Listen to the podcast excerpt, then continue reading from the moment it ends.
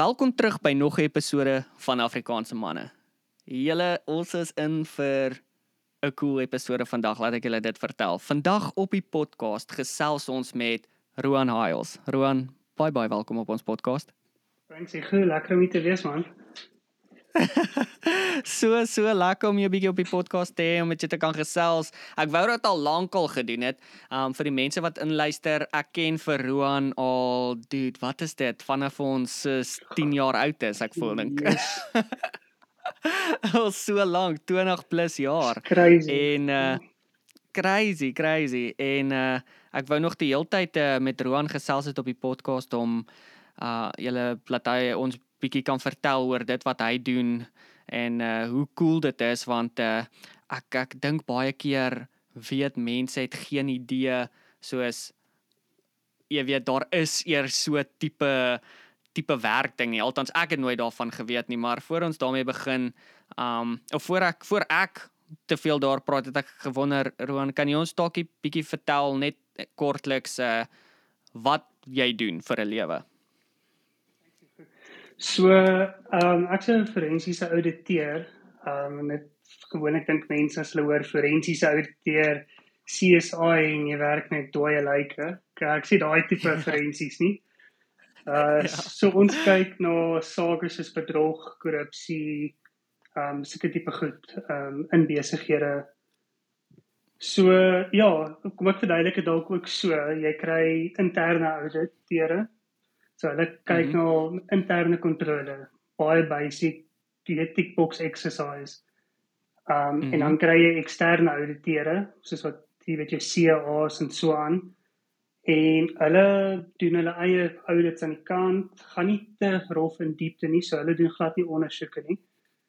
Hulle het ook -hmm. hulle werkspapiere wat hulle voltooi en dan hulle doel eintlik op die einde van die dag is net om te kyk of die finansiële state ehm um, enige wanverstelling is of hulle vry van enige materiële wanverstelling is en dan lewer hulle 'n -hmm. opinie op die finansiële state.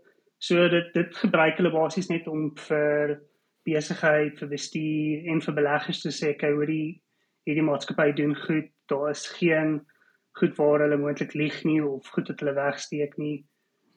Ons mhm. kom in wanneer daar foute opgetel is in daai of in die interne auditproses of in die eksterne auditproses.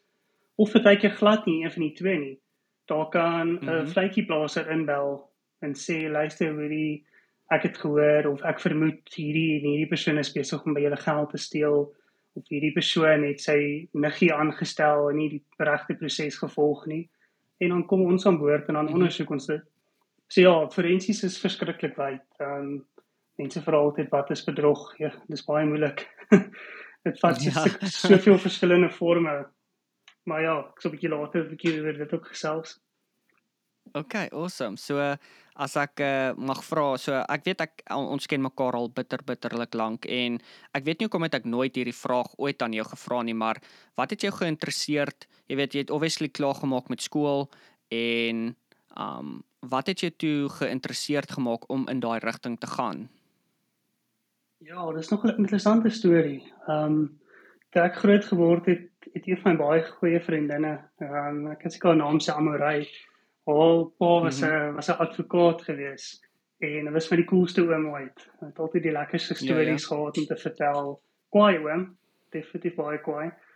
En um ja. dit altyd lekker saam om gekuier. So toe het ek gedink nie ek wil regtig 'n prokureur word of nie maar eers 'n prokureur word voor die advokaat kan word. En ja. toe begin ek my vakke te kies en ek begin toe regtig baie van rekeningkunde. Dink toe okay, wel dis dan seker tussen 'n prokureur en 'n CA, nie 'n rekenmeester of. Mm -hmm. En ek het aanvanklik toe ingeskryf by Koffsies vir regte. Okay. So voordat ons nou sou begin, of ek nou sou bloem toe trek toe gesels ek met vriendin van my en sy vertel my toe van hierdie program by Potch forensies. Mm -hmm. Ek sê so okay, nee, wat is dit? En sy sê begin dit toe te verduidelik, jy weet, 'n bietjie rekenkunde, bietjie ondersoek, werk met die wette. dis ek sê maar dis nou actually is die perfekte kombinasie van wat ek wou wees. En mm -hmm. ja, toe doen ek aansoek en toe kry ek dit en toe gaan ek. Dit is ek ek soos ek sê ek weet nie hoekom het ek nooit hierdie vraag aan jou gevra nie. Ons het al soveel gekuier en soveel baie conversations gepraat of gehad althans en ek het ek het tot en met ek jy weet jou gevra het om op die podcast te wees, het ek die heel eerste keer daarin eens gedink om te vra soos hoe het dit ooit gekom dat jy uh, daarin gaan swat? So is Potch een van die enigste plekke in die land wat daai spesifieke rigting aangebied het of of hoekom het jy spesifiek Potch toe gekies? Was dit net omdat dit nader was? Nee, so met die tyd en is eintlik nog steeds so Potch uh Noordwes Universiteit se Potch kampus is die enigste hmm. universiteit in Suid-Afrika waar jy 'n volle forensiese graad in honeurs en dan as jy wil aangaan tot 'n meesters kan voltooi. Ehm um, oh, okay. Plekke wow. soos Unisa en ek dink Stellenbosch het nou 'n nagraadse diploma intussen uitgebring maar as jy 'n forensiese graad wil hê dan kan jy slegs 'n potjie kry. Wat ek dink eintlik nog cool is, ehm um, maak dit nog 'n ja, bietjie eksklusief. heavy eksklusief, jy weet, dis wat en dis dalk hoekom ek nooit eers daarvan geweet het dat dit 'n tipe rigting is, want jy weet, toe ek in ek obviously in Bloemfontein groot geword en um jy weet jy praat met baie studente daar wat baie daar studeer en dis dis altyd, jy weet, net jou normale CA's of prokureur of wat ook al mag wees en ek het nooit ooit ooit gehoor van 'n forensiese ouditeur rigting tot en met jy weet jy toe gaan studeer het eventually daarvoor nie. En tot in daai tyd het ek nooit eens geweet eintlik wat dit is nie. Dit was altyd so is okay ek is is dit is dit maar net so 'n uh, audits en that's hmm. it? Of uh, ja dis eintlik is 'n uh, is 'n dis baie is baie meer ingewikkeld as dit. Ja so interessant genoeg uh in jou eerste jaar skop jy af en o jy het reg deur tot en met jou neers amper het jy al die vakke wat die by die CA's het. So jy okay. die, die hoogste graad rekenkunde ehm um, ekonomie besigheidstudies ehm um, en so aan.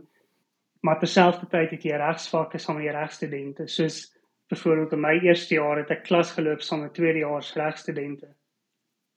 Ja. So dit uh, was nogal interessant want jy weet hulle like jy nie want jy hoor nie daar nie maar jy weet jy staan. Ja. Ja. En, exactly. en, en hulle het so 6 maande in hulle eerste jaar om byvoorbeeld inleiding tot strafreg te leer. Hulle leer dit mm. vir ons in 2 weke en dan wat? stoot hulle jou in in tweedejaars strafregklasse. So dit is nogal dis moeilik moet sê ja maar baie exciting is, ja dis definitief 'n uh, eh, jy, jy moet definitief gefokus bly. Jy kan nie jy kan nie bietjie jol op uh, op kampus as wat jy wil jol as dit klink my as jy daai rigting ingaan nie. ja, wel, dit sê maar bietjie langer moet swat. absoluut. Absoluut. So, okay, so nou my volgende vraag is so dit uh, uh, jy weet, okay, dis 'n uh, eerstens is daar's een universiteit basies waar jy by kan gaan studeer in Suid-Afrika. Um is daar dan baie werksgeleenthede reg oor die land vir forensiese ouditeur of is is dit maar 'n bietjie van 'n niche ding? Is dit maar Ja, so dit is 'n bietjie van 'n niche ding en en dit gaan deur fases. Um byvoorbeeld in my tyd toe ek klaar gemaak het met honeurs, toe was dit net na die hele KPMG Gupta skandaal ehm um, wat plaasgevind het in Suid-Afrika wat gelei het na die hele state capture ondersoek. En ons het so gesukkel om werk te kry. Maar ek weet die jaargroep na my het daar was soveel aanvraag. So die mark is baie op en af wat dit aanbetref, maar ja, dit is definitief 'n niche space. Ehm um, mhm. Mm is basies net jou groot firmas wat wat plek plek maak vir forensies en mense sien al hoe meer dat die banke ook politiese agtergrond het. So dis besig om mm -hmm. op te tel in Suid-Afrika. Ek dink is baie groot erosie. Mhm. Mm is is dit 'n uh, eh, as ek mag vra, is dit uh, kan jy hierdie graad wat jy in Suid-Afrika gevat het en met dit gaan oor see gaan internasionaal of is daar gaan jy nou weer basies oor moet begin in 'n ander land waar jy hulle wette en hulle goedjies sal moet leer? Interessant. Ehm um, gewoon eers in Suid-Afrika het 'n uh, amazing regstelsel. Definitief een van die bestes mm -hmm. in die wêreld. Maar as jy nou net vat jy weet in Amerika is hele regstelsel is Ja. heeltemal anders. Jy weet ons het nie soos 'n jury nie. Ehm um, Ja. So ons het ons het 'n Suid-Afrikaanse liggaam waar ons kan behoort. Ek sal 'n bietjie later dalk oor dit praat. En dan ons internasionale een uh, wat wat deur Amerika hardloop. So weet ons moet nou raadseksamens aflê by hulle en dan Mhm. as jy met dit het deur gekom het dan word jy wat jy noem 'n certified fraud examiner CFE. En dit Okay. dit word wêreldwyd erken, ehm um, veral in Amerika. So dit dit, dit berei jou nogal goed voor vir die ehm um, regslandscape as ek dit kan noem Mhm. vir vir 'n plek 'n land soos Amerika. Maar ja, ek dink daar gaan dit gaan 'n groot aanpassing wees. Maar jy gaan dit vinnig optel dink ek. Kyk, die beginsels van bedrog bly dieselfde, dis gemeenereg. Ehm um, dis maar net Ja, ja. jy weet as jy nou in die hof is dit hoe die werk die proses dit werk net so 'n bietjie anders, maar beginsels van bedrog en korrupsie daai goed bly dieselfde. Maar ek sal baie gaan in die wêreld nie. Okay, so kom ons kom ons bedoen gou 'n quick breakdown of dit. Wat val onder bedrog? Wat word gesien as bedrog?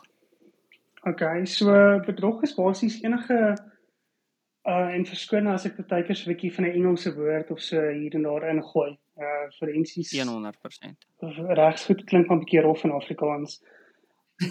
maar bedrog is is enige um intentional act met die doel om prejudice te veroorsaak aan iemand anderste. Mhm.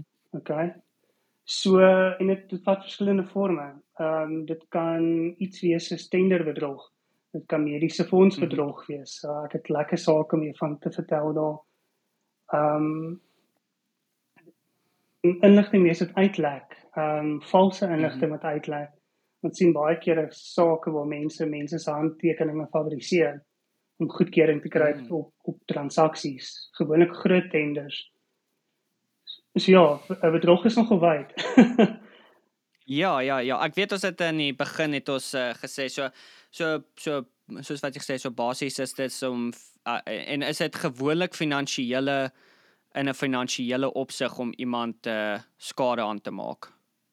In ons lyn ja, definitief. So, Daar's altyd 'n Okay. finansiële komponent. Dalk nie Okay. gekoppel presies aan hierdie transaksie nie, maar wat ek bedoel is hulle kry dalk nie geld uit die fisiese transaksie uit nie, maar hulle kan dit vir iemand anders te doen wat finansiële baat gaan vind daardeur en dan word hulle omge Mhm. omkoopgeld betaal. So ja. Okay, so as ek mag vra, kan jy dalk soos 'n 'n algemene rooi vlag of waarskuwing teken van 'n maatskappy of organisasie um jy weet uitwys wat mag lei tot die dienste van 'n forensiese ouditeur om te begin die ondersoek te begin. Ja, so dit dit hang ook maar 'n bietjie af van die tipe besigheid wat jy bedryf en ek kom Mhm. dalk wys dalk vir jou hoe hoe eenvoudig dit kan wees. Kom ons vat 'n Mhm. klein 7-Eleven garage. Mhm. Ehm um, hulle wat werk en elke keer as iemand kom betaal dan vat hy R5 en hy sit dit dit onder die counter en hy lê net R15 op. En die einde Mhm. van die dag vat hy daai R5, R5, R5. Agterkom as hulle die voorraad tel maar jou ons geld wat ons maak het ons aankope versus ons voorraad tellings stem nie ooreen nie Mhm. presies so geval sal hulle nou besluit ek kom ons kry forensiese auditering. Ander geval kan wees, ehm um, dis 'n baie groot maatskappy, hulle is besig om 'n gesprek te hê um, op bestuursvlak oor bonusse en goed. En mm. -hmm. hulle het 'n meeting, hulle praat daaroor. Volgende oomblik is daar 'n WhatsApp wat deur die hele company gaan en sê julle word almal bonusse betaal en dit is 5% van jou jaarlikse salaris Mhm. en uitgelek van iewerste. Dan sal hulle forensiese ouditeur inkry om dit te ondersoek. Okay, dude. Wat? Dit is daar is soveel Ja. leiers van waar jy kan inkom om ondersoeke te begin. Yes, en en mediese fondse, dis baie interessant. Ek het dalk van twee sake vertel. So Asseblief. wat wat ons gereeld sien is dokters en apteke werk saam. Ja, so jy sal 'n apteker kry wat ehm um, valse claims deur sit op op 'n mediese fonds. Ehm um, sê nou daar kom 'n vrou en en sy het 'n babatjie en sy het nie geld vir doeke nie. En sê okay, is reg, jy's op 'n mediese fonds, gee my 'n mediese fonds nommer. Dan sit hy byvoorbeeld fiktiewe eise deur, sê nou vir hoestroop en benaders en wat ook al die geval mag wees. Sê nou hy sit dit deur vir R500 se uh, false claims en dan gee hy haar die ekwivalent in kredietnuuswaarde. So gee vir doeke vir die kinders dalk 'n bietjie koekies, jy weet wat ook al sy nodig het. So en, en ons sien dit verskriklik baie veral in die ek wil nie sê arm gebiede nie, maar meer in die buitewijk gebiede in Suid-Afrika. Dis nog 'n mm -hmm. groot ding. Of jy sal dokters kry wat saam met aptekers werk en die dokters sal na hulle pasiënt gesien het, hulle het nou al hulle inligting op die leer kom hulle na die tyd en dan skryf hulle nou vervalste voorskrifte uit en hulle faks deur na die apteker toe met die mediese kaart en hulle sit fiktiewe claims deur. En jy wat by die dokter was na huis toe gaan, weet nie daarvan nie. En hulle is geneig om dit te doen ook in jou ehm um, buite buitewyke waar mense nie toegang het tot rekenaars en e-pos nie. So hulle sien nie hulle state van die medies nie. Hulle kom net eendag by die by die dokter aan, ag ag by die apteek aan en hoor hoe jy het nie meer fondse nie. Mm. Een lekker saak. Uh ek het lekker gelag vir die een. Ehm um, so dit was 'n 'n ma en 'n pa en en twee dogters. En die oudste dogter het ehm um, van die medies afgegaan. Sy het te oud geraak vir die medies, so te forceer hulle om af te gaan. En sy raak die swanger. En vir die hele tydperk wat sy swanger was, het sy voorgegee om haar sussie te wees. So sy was dokter toe, sy het gekraam, alles op haar sussie se naam. tot dit iemand tot dit Hoe oud was sy? Hoe oud was sy sussie? Oud genoeg? Ja, hulle was baie naby aan mekaar. Mm. Gelyk so hulle so hulle kon maklik met dit wegkom. En dan kry sy 'n belaglike antwoorde van die pa wat sê Ja, maar hy kyk nooit na sy e-pos en hy sê hy het nie eens geweet daar's iemand wat eise deursit nie dis is rarig of ek het die data gehad om my e-posse te check nie vir 'n hele jaar lank. Kom aan. nou, as ek mag vra soos jy weet daai dis daai is so spesifiek dis so so spesifieke ding want jy sal dink eerstens jy sal dink daar is miljoene mense in Suid-Afrika Hoe word so hoe beland so saak dan op jou tafel dat jy weet iemand uitgevang word vir dit? Soos is dit is dit 'n mediese fonds wat sê soos hy kan julle insoek of of navorsing doen in hierdie of uh, ondersoek doen in hierdie of is dit 'n uh, dokter of is dit hoe hoekom hoekom daai daai daai saak op jou tafel? Ja, so wat ons gewoonlik doen in ons lyn van werk is ons ons submit tenders. So byvoorbeeld, um 'n mediese fonds kom uit en hulle sê ons wil graag 5 companies aanstel om vir 'n tydperk van 5 jaar op 'n forensiese paneel te wees. En dan soos wat hulle nuwe sake kry, um en hulle sal intern sal hulle soos wat hulle noem 'n 'n 'n fraud hotline hê waar mense kan inbel of hulle kan e-posse stuur en sulke tipe goed en en weer klagtes lê en hulle sou dan daai klagtes ontvang en dan sal hulle sê o, okay, uh Ruan, julle maatskappy, ons alle keer hierdie aan julle ondersoek het vir ons. Oor die greding van forensies is jy met onafhanklik en objektief wees. So dis baie keer moeilike moeilik vir maatskappye om self dit te doen. Vir alles het hulle eie werk, werknemers en en goed ehm um, jy weet in ag neem. Ja. Yes, dit is dis crazy want ek het soos ek sê, ek het nooit eens geweet, jy weet jy, ek bedoel jy vat 'n voorbeeld soos ek seker die vorige familie wat ons nou van gepraat het, het gedink soos daar is miljoene mense in Suid-Afrika, hoe sal hulle ooit weet? Mhm. How would they know? Jy weet ja. as I mean, how would they know? They would never know. How would they know? In in en, ja, ja, sorry, dan dan doen vind julle uit oor dit. En dan dan maak dit my wonder, okay, hoeveel ander mense het dit al gedoen?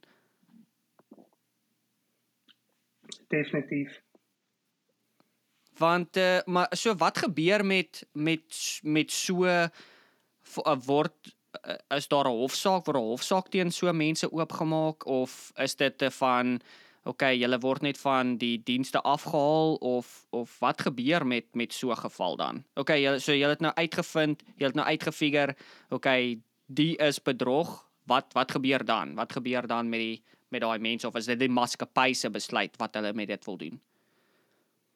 Okay, so dit, dit hang dan ook 'n bietjie af is dit staat of is dit nie staat nie. Ehm um, privaat maatskappye kan tot 'n mate self besluit wat hulle wil doen. Wat ons baie kere sien met die mediese fondse is hulle laat die persoon net 'n uh, acknowledgement of debt teken om te sê okay. Hmm. Ehm um, weet wat ons gedoen het was verkeerd. Ons gaan nie enige 'n klagte steen jou lê nie, maar jy moet daai 600 000 rand wat wat hierdie jaar aan daai kind gespandeer is met julle terugbetaal.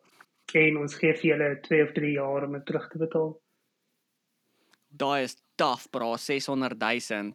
Dan is dit dalk moes ek maar net by die staatshospitaal gaan kraam het. ja. ek ek ek weet jy vat dit as 'n mm. bedragse ja, voorbeeld, ja, ja. maar jo.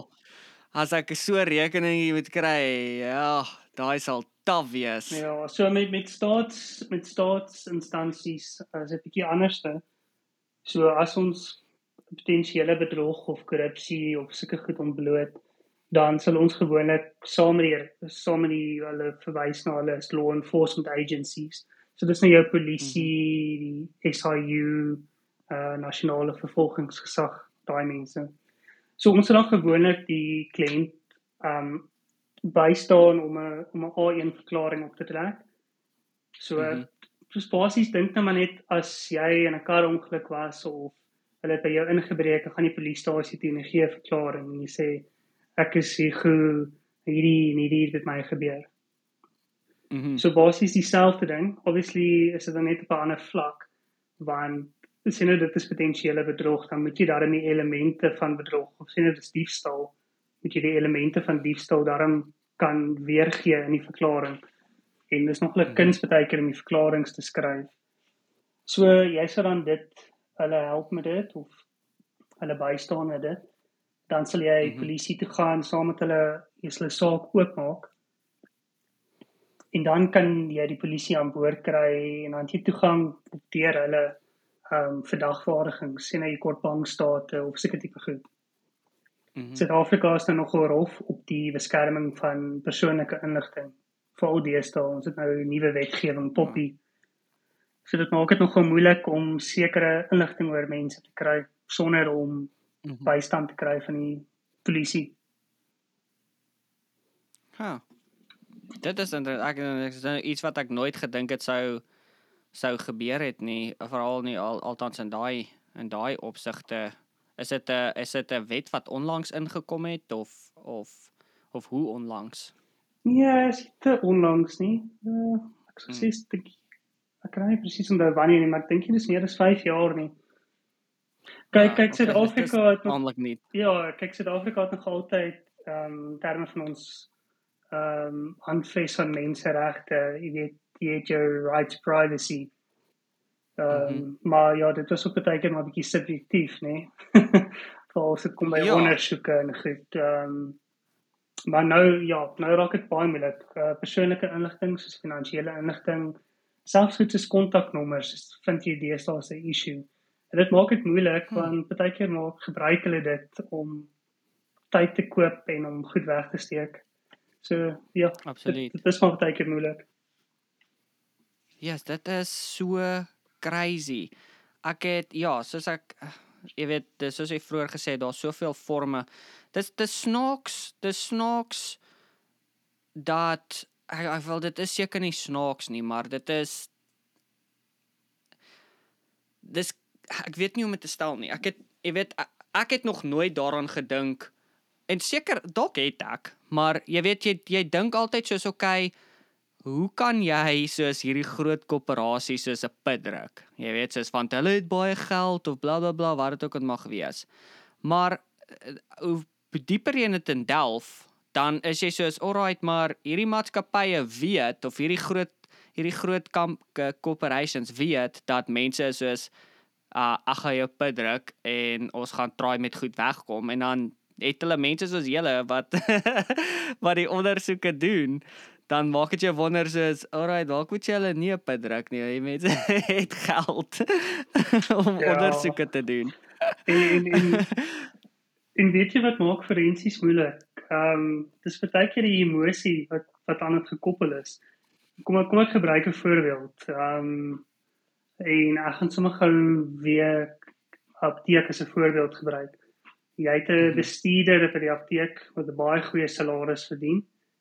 Ehm um, hy steel rooster op van die rak af want hy kan. Maar hy's 'n mhm. bestuurder. Niemand gaan hom uitvang nie. Niemand gaan vir hom sê hy mhm. mag nie. Teenoor jy het 'n skoonmaker wat minimum loon verdien by dieselfde apteek. Haar kind is siek, sy het nie medies nie sy kan nie afkry om haar kind kliniek toe te vat nie. Sy het nie geld vir vir medisyne nie, werk nie vir medisyne gee nie. Wat doen sy? Hmm. Sy steel haar studie van die rak af. Nou albei word uitgevang vir kere. Wat die een is skuldig hmm. en wat die een is nie. Ja, ja. Altoe is maar skuldig. Sal jy dieselfde benadering volg? Ja, dis 'n taaf een mm. want want jy sal wees is fok hierdie braai het baie geld om hierdie te koop en soos dalk wees is alright maar sy hulle het sy het nie geld nie. Soos gee hom maar nog 'n kans. Dit was 'n fout. So dis dis waar jy objektiviteit in kom maar, maar kom ons vat dan net mm -hmm. presies daardie aksie wat jy nou gehad het. Nou roep ons daai in vir 'n konsultasie. Hy is soos ag Wie dink jy is jy? Ek sien bestuur hierdie geene vir my sê kan iets vat nie. Die ou gaan arrogant teen teen mm -hmm. wees. Hy gaan moeilik wees. Sy aan die ander mm -hmm. kant gaan begin huil en op die vloer neerval en praat oor haar kinders en as sy haar werk verloor, gaan sy op straat sit. Twee mm -hmm. baie anderste gevalle, nê? Maar jy weet jy mm -hmm. moet tog steeds albei situasies probeer beheer sodat hulle nie weghardloop met dit nie. Dit dis nou baie rudimentary voorbeeld, maar ja, ja, ja. ek dink dit Maar dit is dis 'n voorbeeld van dieselfde crime wat commit is deur twee verskillende mense in verskillende posisies met verskillende Ah, oh, dude, dis 'n dis 'n taaf een. Dis moeilik want jy weet dis dis daar waar die wet is nie objektief nie. Die wet is daar's dis dis wat die wet is en jy weet dis waar persoonlike gevoelens en emosies bykom of um empathy jy weet inkom waar jy is okay soos ooh ah dude ek sê jy werk hier en en en en en, en dit wat jy nou sê van emosies en empatie en verstaan omstandighede. Verstaan ons is nie ons is nie regters nie. In ons verslag mm. sê ons nie hierdie persoon is skuldig aan bedrog nie. Ons is nie regter nie ons kan dit mm. nie sê nie. Maar wat ons kan sê is gebaseer op ons ondersoek ondersoek en al die inligting wat ons deur gegaan het en ons bewyse Mm -hmm. So en voldoen aan al die elemente van bedrog. En is daar potensiële bedrog? Mhm. Mm maar ons ja. ons kan nie sê hierdie persoon is skuldig nie of ons kan nee. nie sê ja, sy is skuldig maar sy maar dink aan haar kinders. ja, ja, ek weet. Dit is so taaf ou. Ek sal ek sal so sleg voel. Ek sal wees as alright iemand anders te moet hierdie saak oorvat. Ek kan nie. Bring vir my net al die bad guys. ja, en baie keer kry jy ouers so 'n paar dreigemente. Ek was al een keer amper gedonder so. Lekker tye. Ek kan glo. Nee, ek kan glo want ja weer eens jy jy deel met an, met mense aan die buitekant se emosies wat is soos jy voel nou getarget, jy weet. Mm. Soos en en plus dis 'n embarrassment want jy's nou uitgevang. Jy het gedink jy gaan dalk daarmee wegkom en as jy uitgevang. So daar's soveel emosies betrokke by sulke goed. Um so okay, daar is iets wat ek nog die heeltyd oor gewonder het. Right.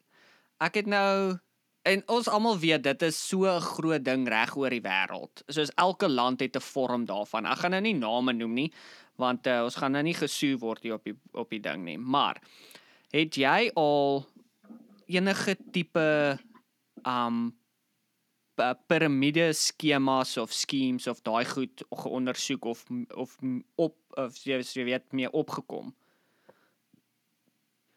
So ek persoonlik nie self onlangs nie. Ehm um. Mm ons maatskappy het al gekyk na Ponzi skemas. Dis baie algemeen en en mense dink aan Ponzi skemas en hulle dink aan Charles Ponzi en hierdie groot goed. Maar 'n Ponzi skema kan so eenvoudig wees soos jou dominee wat vir jou sê nee, hy het hierdie investment company op die side en as jy vir hom jou pensioen gee dan waarborg hy jou jy weet jy gaan 15% terugkry. En soveel ou mense gooi hulle pensioen in dit. Ons sien dit die hele tyd. Mhm. Uh dis so sad. Ja. Maar nee, ek ek self het nou nog nie onlangs op 'n op 'n Ponzi skema gewerk nie. Ehm um, maar daar's ander ander goed wat nog groot is in Suid-Afrika waarop ons werk. Ehm um, ek weet nie of jy dalk van hulle wil hoor nie. Ja, ja, asseblief. Ja, so iets wat nou baie groot is in Suid-Afrika is uh noem dit business email compromise. Ek weet nie Okay. of jy al van dit gehoor het nie, maar dis letterlik waar hulle Mm -mm. in jou rekenaar inhek en hulle intercept dan jou e-posse. So sê nou 'n supplier stuur vir jou 'n invoice, hulle intercept daai invoice voor in jou inbox wys.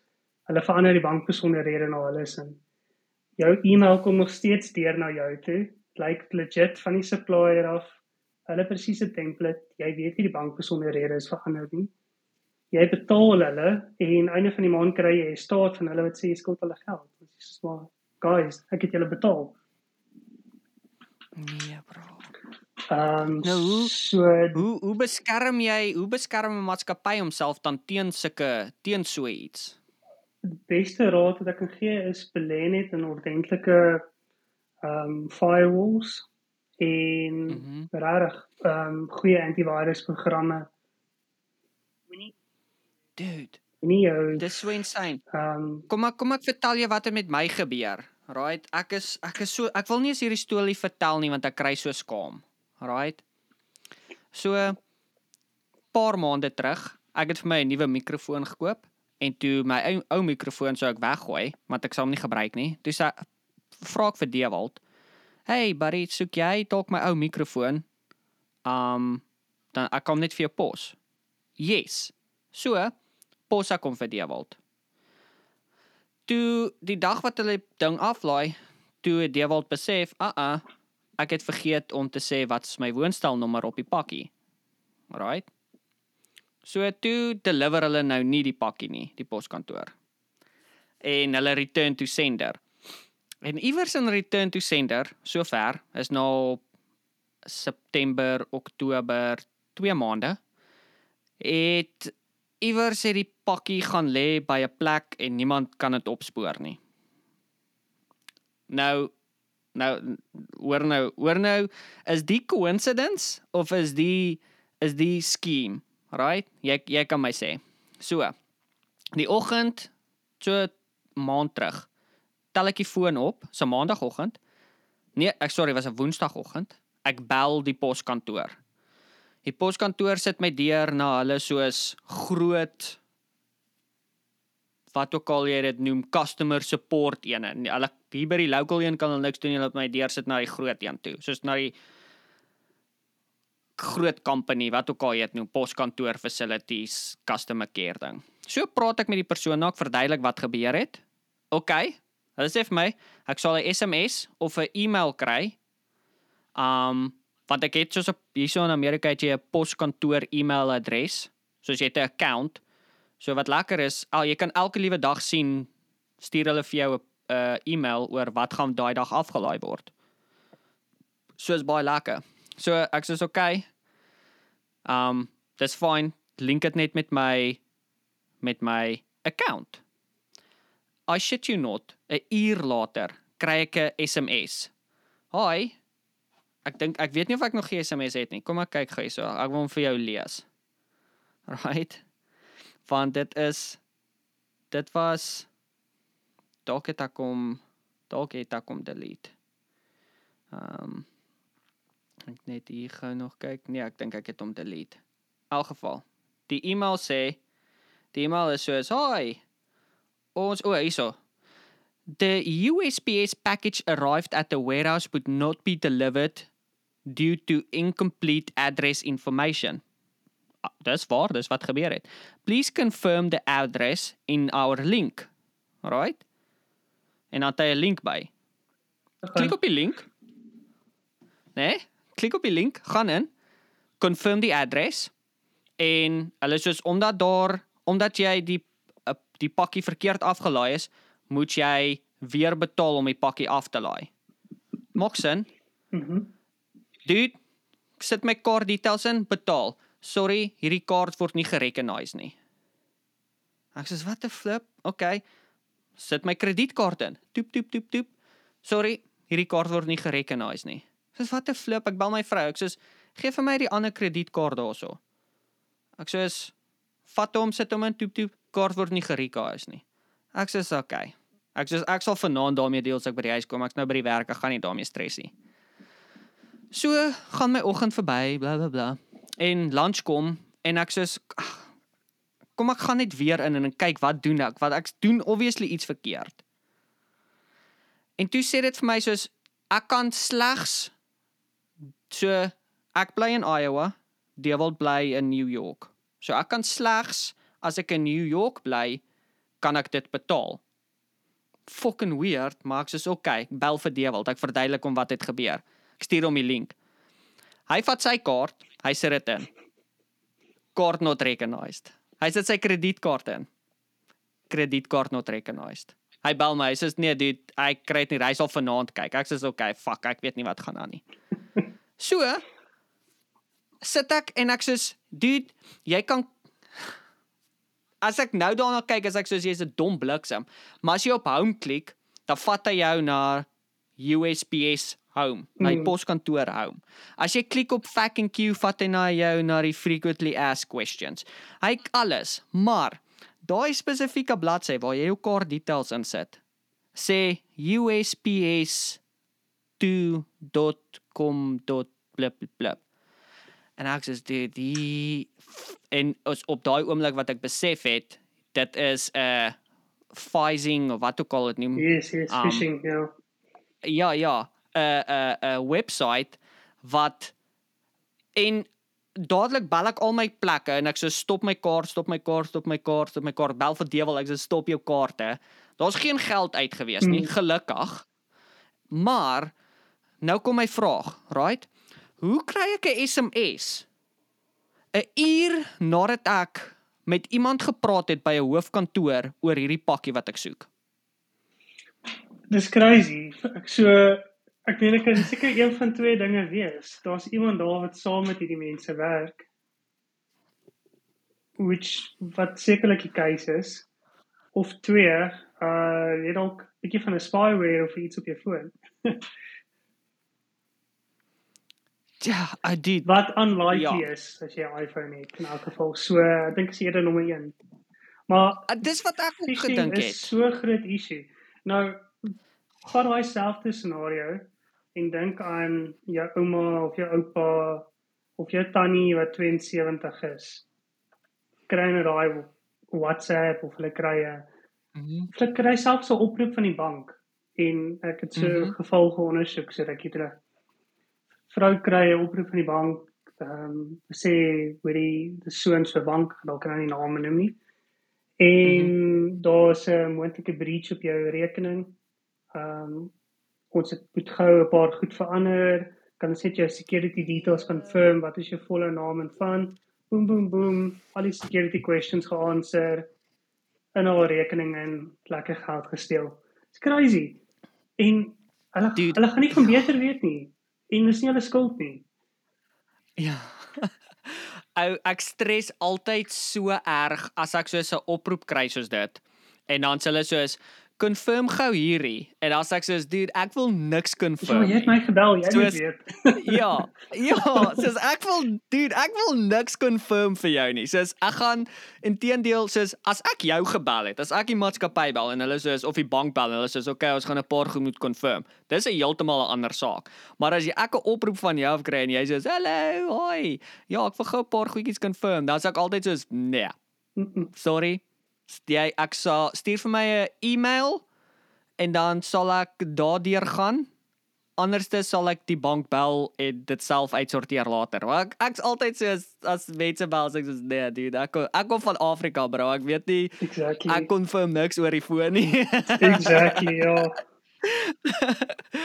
maar jy, weet, dit was vir my so crazy want uh, ons ons sukkel al met hierdie pakkie vir soos 'n maande en die dag wat ek daai ou bel of soos die jy weet die hoofkantoor bel en 'n uur later kry jy hierdie hierdie e-mail of nie e-mail nie, hierdie fucking SMS op jou foon wat is so, "Ag, ons het jou pakkie gekry." En dan gaan jy dan en dan, "Yes, dude, ek is ek was so en ek het so sleg gevoel want ek het Dewald ook gemaak Mm. al sy goed insit.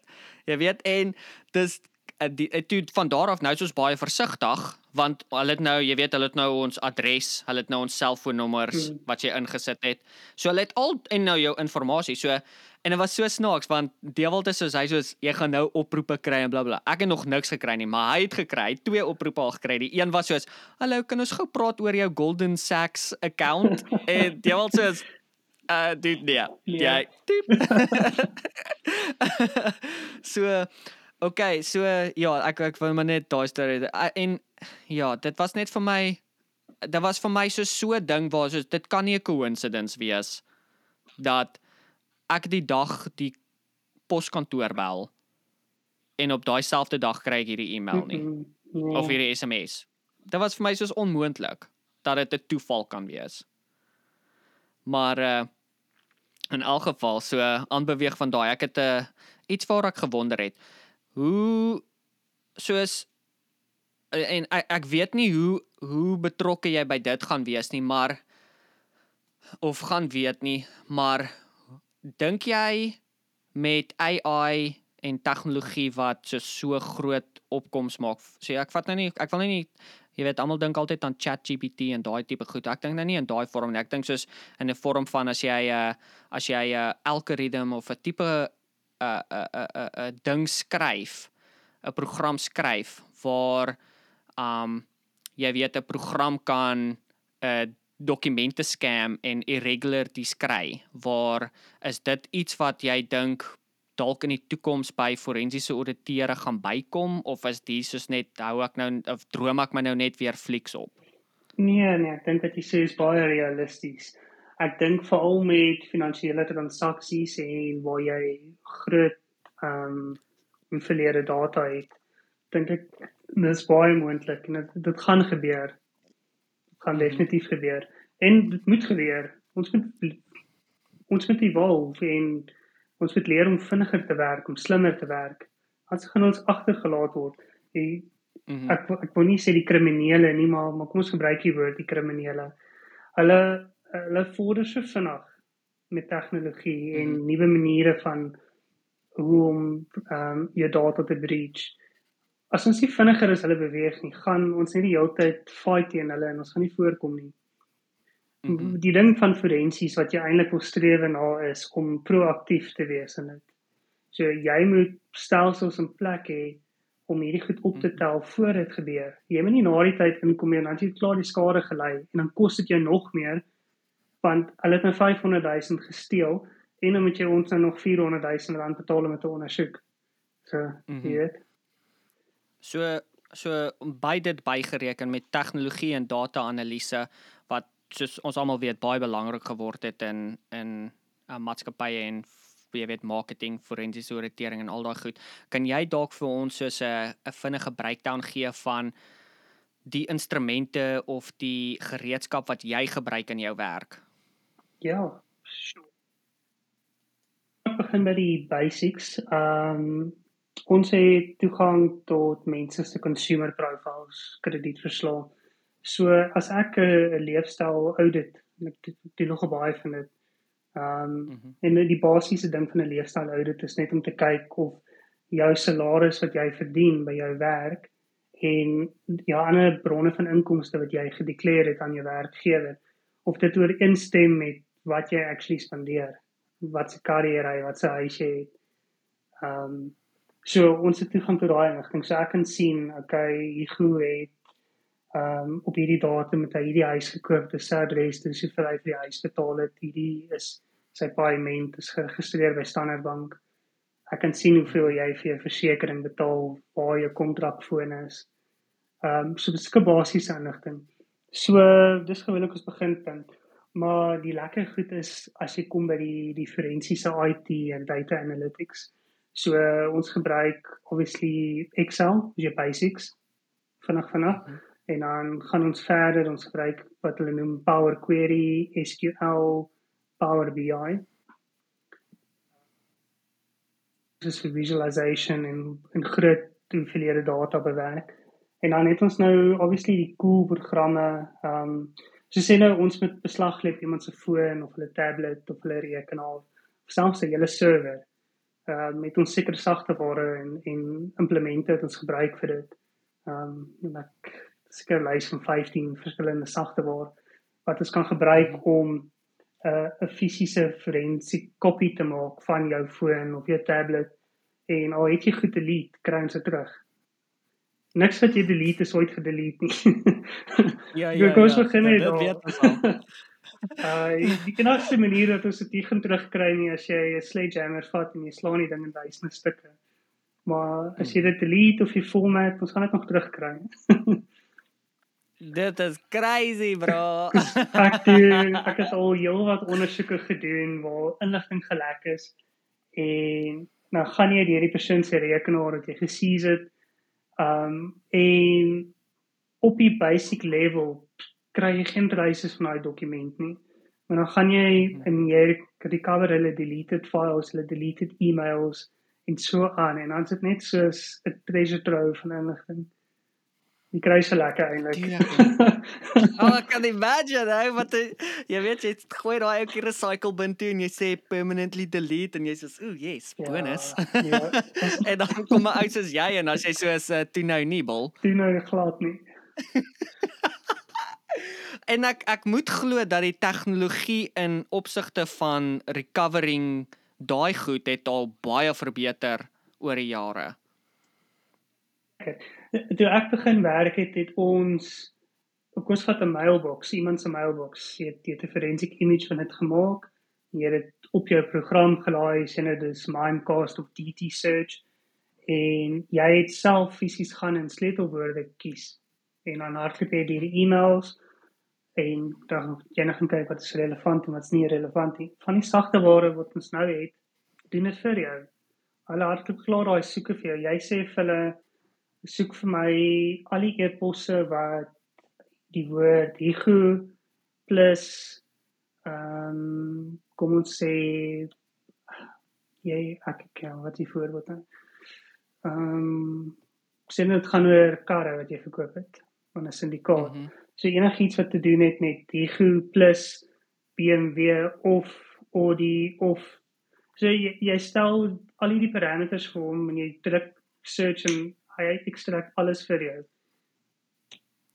Dude, dit vat my omtrent 3 dae om 'n e-mail in my sent files te kry met search en jy sê vir my daar's 'n program wat jy wat jy just net soos boom dan het jy dit. En is dit dan sommer deleted e-mails ook of of is dit nou weer 'n ander Ja, so so die so die deleted email sal deel wees van dit. Dit sal obviously gegroep word in sy eie folder. Ehm um, as dit What? as dit emails is wat op 'n server of op 'n rekenaar is, as dit 'n Gmail of 'n Yahoo of so, is dit heeltemal 'n ander saak. Dis groot nagmerries met dit.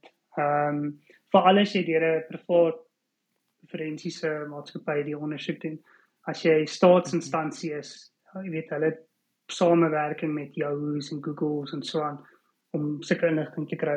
Maar meeste -hmm. companies se goed is Outlook accounts, dis 365 mm -hmm. accounts. So yes. retrieve en en goed te kry.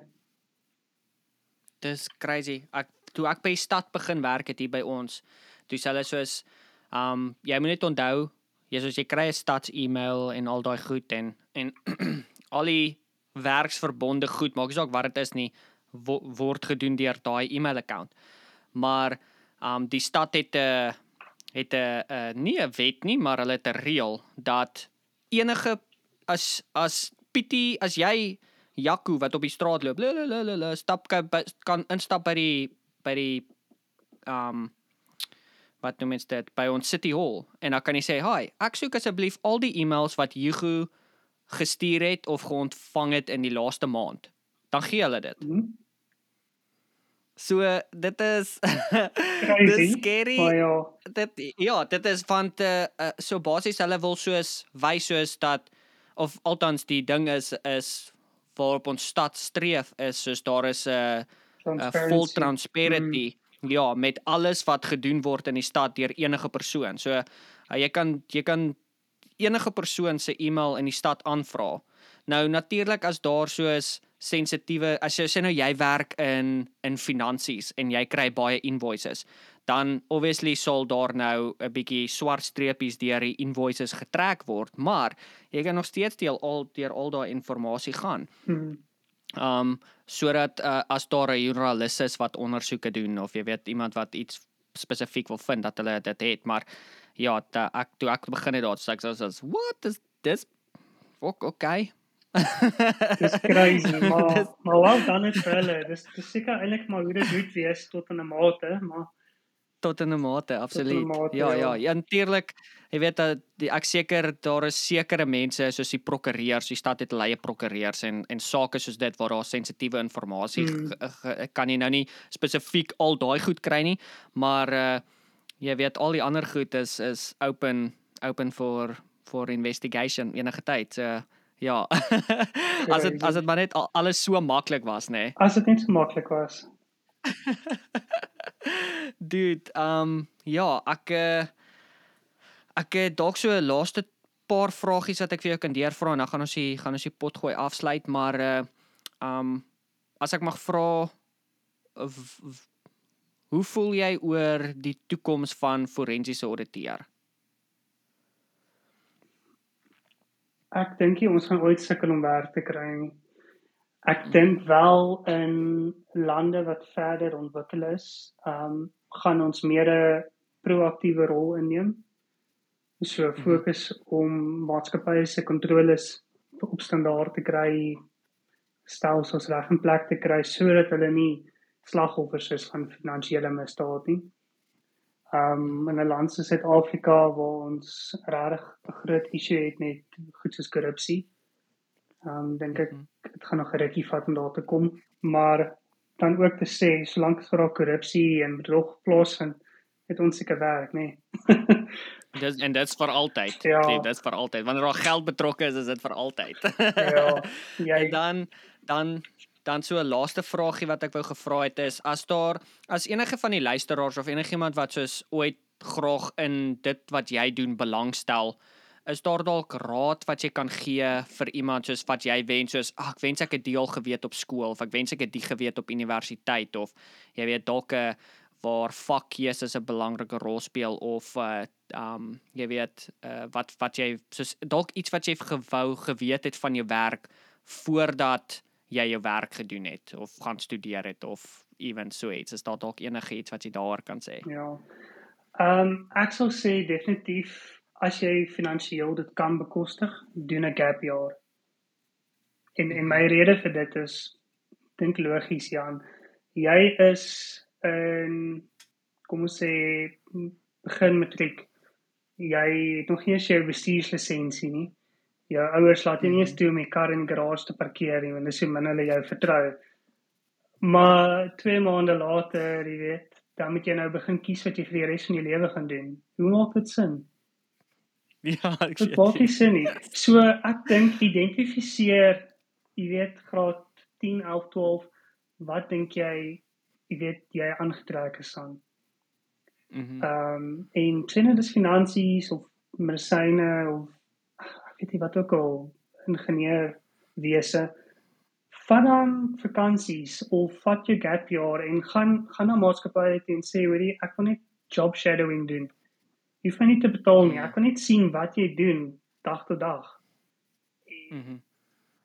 Kyk en vra vra, jy weet. Ek dink dit is die beste advies wat jy vir iemand kan gee. Ek dink baie mense word net in 'n ding ingedruk want hulle ouers dink of okay of hulle ouers sê dit studeer so hulle voel hulle moet dit ook doen of of hulle ouers dink o, ek kan 'n dokter te wees, jy weet, gee baie status en en hulle is so ongelukkig. in wat Mhm. hulle doen. So ja, Absoluut. ek het een Ja. ek het een cool war story. Ek het nie like ons aan tyd nie. Nee, is ons het ons het nog tyd. Ja, Okay. asseblief, go- vertel ons vertel ons 'n vertel ons 'n storie. So ek ek weet nie wat wat weet jy van state capture nie. Niks. Okay. So okay. gou okay, baie rudimentary breakdown. Daar was 'n uh, 'n familie in Suid-Afrika gewees. Ehm Mhm. sal hulle dalk ken die Guptas of van hulle Mhm. gehoor het. En en hulle het nogal groot amok gemaak in die land uh in samewerking met ons vorige president en en en sy ehm um, sy naastes. En mm Mhm. -hmm. ja, obviously hulle het amper elke liewe staatsinstansie in hierdie land gecapture. En wat ons bedoel met capture is hulle het beheer. Hulle was 'n familie Soos 'n monopoly. soos 'n monopolie. Hulle ja, hulle het van buitekant af gesit, nie in die staat nie en hulle het gesê, "Oké, daai een gaan 'n minister wees. Daai een met die hoof van Eskom wees. Daai een met die hoof van Transnet wees." Ons hou nie van hierdie ou in hierdie posisie nie. Kom ons skuif hom.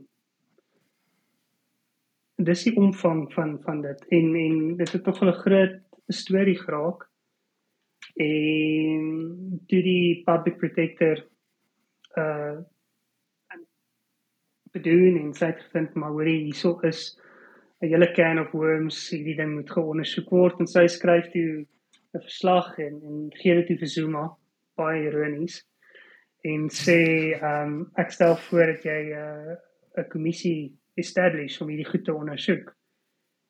Ehm um, wat het hy gedoen het net net voordat hy uit uit ehm um, uit is as president. En ek was toe een van die mense wat gekies is om op hierdie kommissie te werk as een van die Ja. ondersoekers. Uh insane, insane experience. Um nogal intens om aangestel te word. Jy gaan hier 'n hele vetting proses. Hulle mm -hmm. hulle het so ver gegaan tot en met 'n ou som wie ek in hoërskool was, se ma te gaan praat. Wat? Dis is 'n mens. Dis dis hoe ver hulle gegaan het. Hulle gaan hier jou bank staat. Hulle hulle praat met wie Mhm. ook al jy 'n verhouding is, met wie ook al jy 'n verhouding was. Jy gaan deur Mhm. poligraaf toetse. Dis nogal insane. Wat? Deur daai wat jy soos wat hulle soos jou ja of nee antwoorde. Yes, yes. ja, so Ja. ek studeer dit toe 'n top secret clearance gekry wat wat die hoogste sekuriteitsclearance is wat jy in Suid-Afrika kan kry. Ehm um, toe aangestel en ja, ek was die tweede jongste ondersoeker op die kommissie gewees. Crazy experience. Ehm um, ek was op 'n span wat een van die grootste ehm um, instansies in Suid-Afrika geondersoek het. Uh ek gaan ook nie sê wat die een dit is nie. Vir my eie Ja veiligheid. ja, dis wel. maar ja, crazy. Jy, jy het nou net gepraat oor, jy weet, wat se digitale goed het ons om ons werk makliker te maak. Een van die programme wat ons Mhm. daar gebruik het is um relativity, is die, is die program se naam waarin al daai data. En jy moet nou verstaan, net ons ondersoek alleen het 12 miljoen dokumente gehad wat op relativity Holy gesit is. En meeste van hierdie mense is mense wat erg geïmpliseer is in state capture. So hulle wil nie met jou praat nie. Hulle kruip weg agter prokureurs. Jy kry Mhm. niks inligting uit hulle nie. So al wat jy het is basies hulle e-posse, hulle rekenaars, hulle fone van toe hulle nog gewerk het daar. Uh en jy moet deur al daai goed gaan. Maar wat lekker was, um op die kommissie het ons spesiale magte gehad het. So as Ja. as ek wil weet dan dagvaar ek net. So werk En met dan dit moet- dan kry ek die- dan kry ek 'n lys van al die karre. As ek wil weet wat in jou bankrekening aangaan, dagvaar ek die banke en dan gee hulle vir my alles. So dit was nogal insane om toegang te te hê tot al daai inligting en en dis waar ons byvoorbeeld programme soos Power BI gebruik het want ons vat jou finansiële inligting ons dagvaar byvoorbeeld nou vir MTN Vodacom Cell C te sê Mhm. Hier is hierdie persoon se se ID-nommer gee vir my al die rekords wat jy het van alle nommers geassosieer met hierdie persoon. Jy kry al daai data, jy kry dan baie keer ehm um, die call history wys jy van watter torings hulle afgespring het as hulle gebel het. So jy kon hulle basies gegeolocate het. En dan ja. om net 'n stapie verder te vat as een van hulle karre 'n tracker ingehaat het, dan kan jy byvoorbeeld nou vir, nee. vir die car tracker dag voor en dan kry jy daai movement reports. En dan gooi jy al hierdie inligting in 'n in hierdie model in. En ek klik op Hugo Swanepoel se naam en ek kan amper neerpen, o, okay, Hugo het op die 14 Oktober was hy by hierdie adres ons weet hierdie adres behoort aan hierdie hierdie hierdie persoon wat 'n minister is. Oor die volgende dag ehm um, sien ons 500 000 rand in betaling in sy rekening in. Jy weet so jy kan al hierdie goed begin bymekaar sit en dan gooi jy ja. nog jou selfoon, ag jou e-pos rekords en al daai ander goed by. Uh dis insane, dis insane jy kan gaan van niks weet en in die donker rondkrap na al hierdie goedjies begin link. Ja. Ja, en dan kan jy deur hulle hele dag gaan waar hulle was, wat hulle gedoen het, wie hulle gesien het, wie hulle gebel het, alles. Ja, so ja, en ja, ek wou net dit gedeel het. Dit is uh so so die die ek dink die vraag wat almal almal almal op hierdie podcast wat dan nog nou geluister het is soos is ons browser history dan veilig? nee, glad. Damn it. ja, nee, glad nie. En ehm um, ja, dis insane, dis insane wat op die internet is. Dit wat ek en jy as normale mense op as die world wide web sien, ag dit as dit 5% mm. is van wat actually die internet aangaan. Mhm. Mm is crazy. Jy jy kry daar's 'n hele dark web en dan staan 'n deep web. Ehm um, maar as jy begin kyk na die dark web, het jy 'n spesifieke router en tegnologie nodig om toegang mm -hmm. tot dit te kry. Ek weet nie of jy weet van dit nie. Hulle hulle mm, hulle noem dit die onion die onion router. Yes. Yes, ek ek ja. so ek het so baie baie jare terug het ons een aand besluit deur te veel te drink, alright, kom ons gaan kyk wat dit is en ons het alles gedownload en die ding was net soos ons het verwag het gaan wees soos Google en dan search jy goed, ja. maar dit is nie. So ons kon jy weet as jy nie weet wat daar aangaan of weet waartoe om te gaan nie, dan kry jy niks.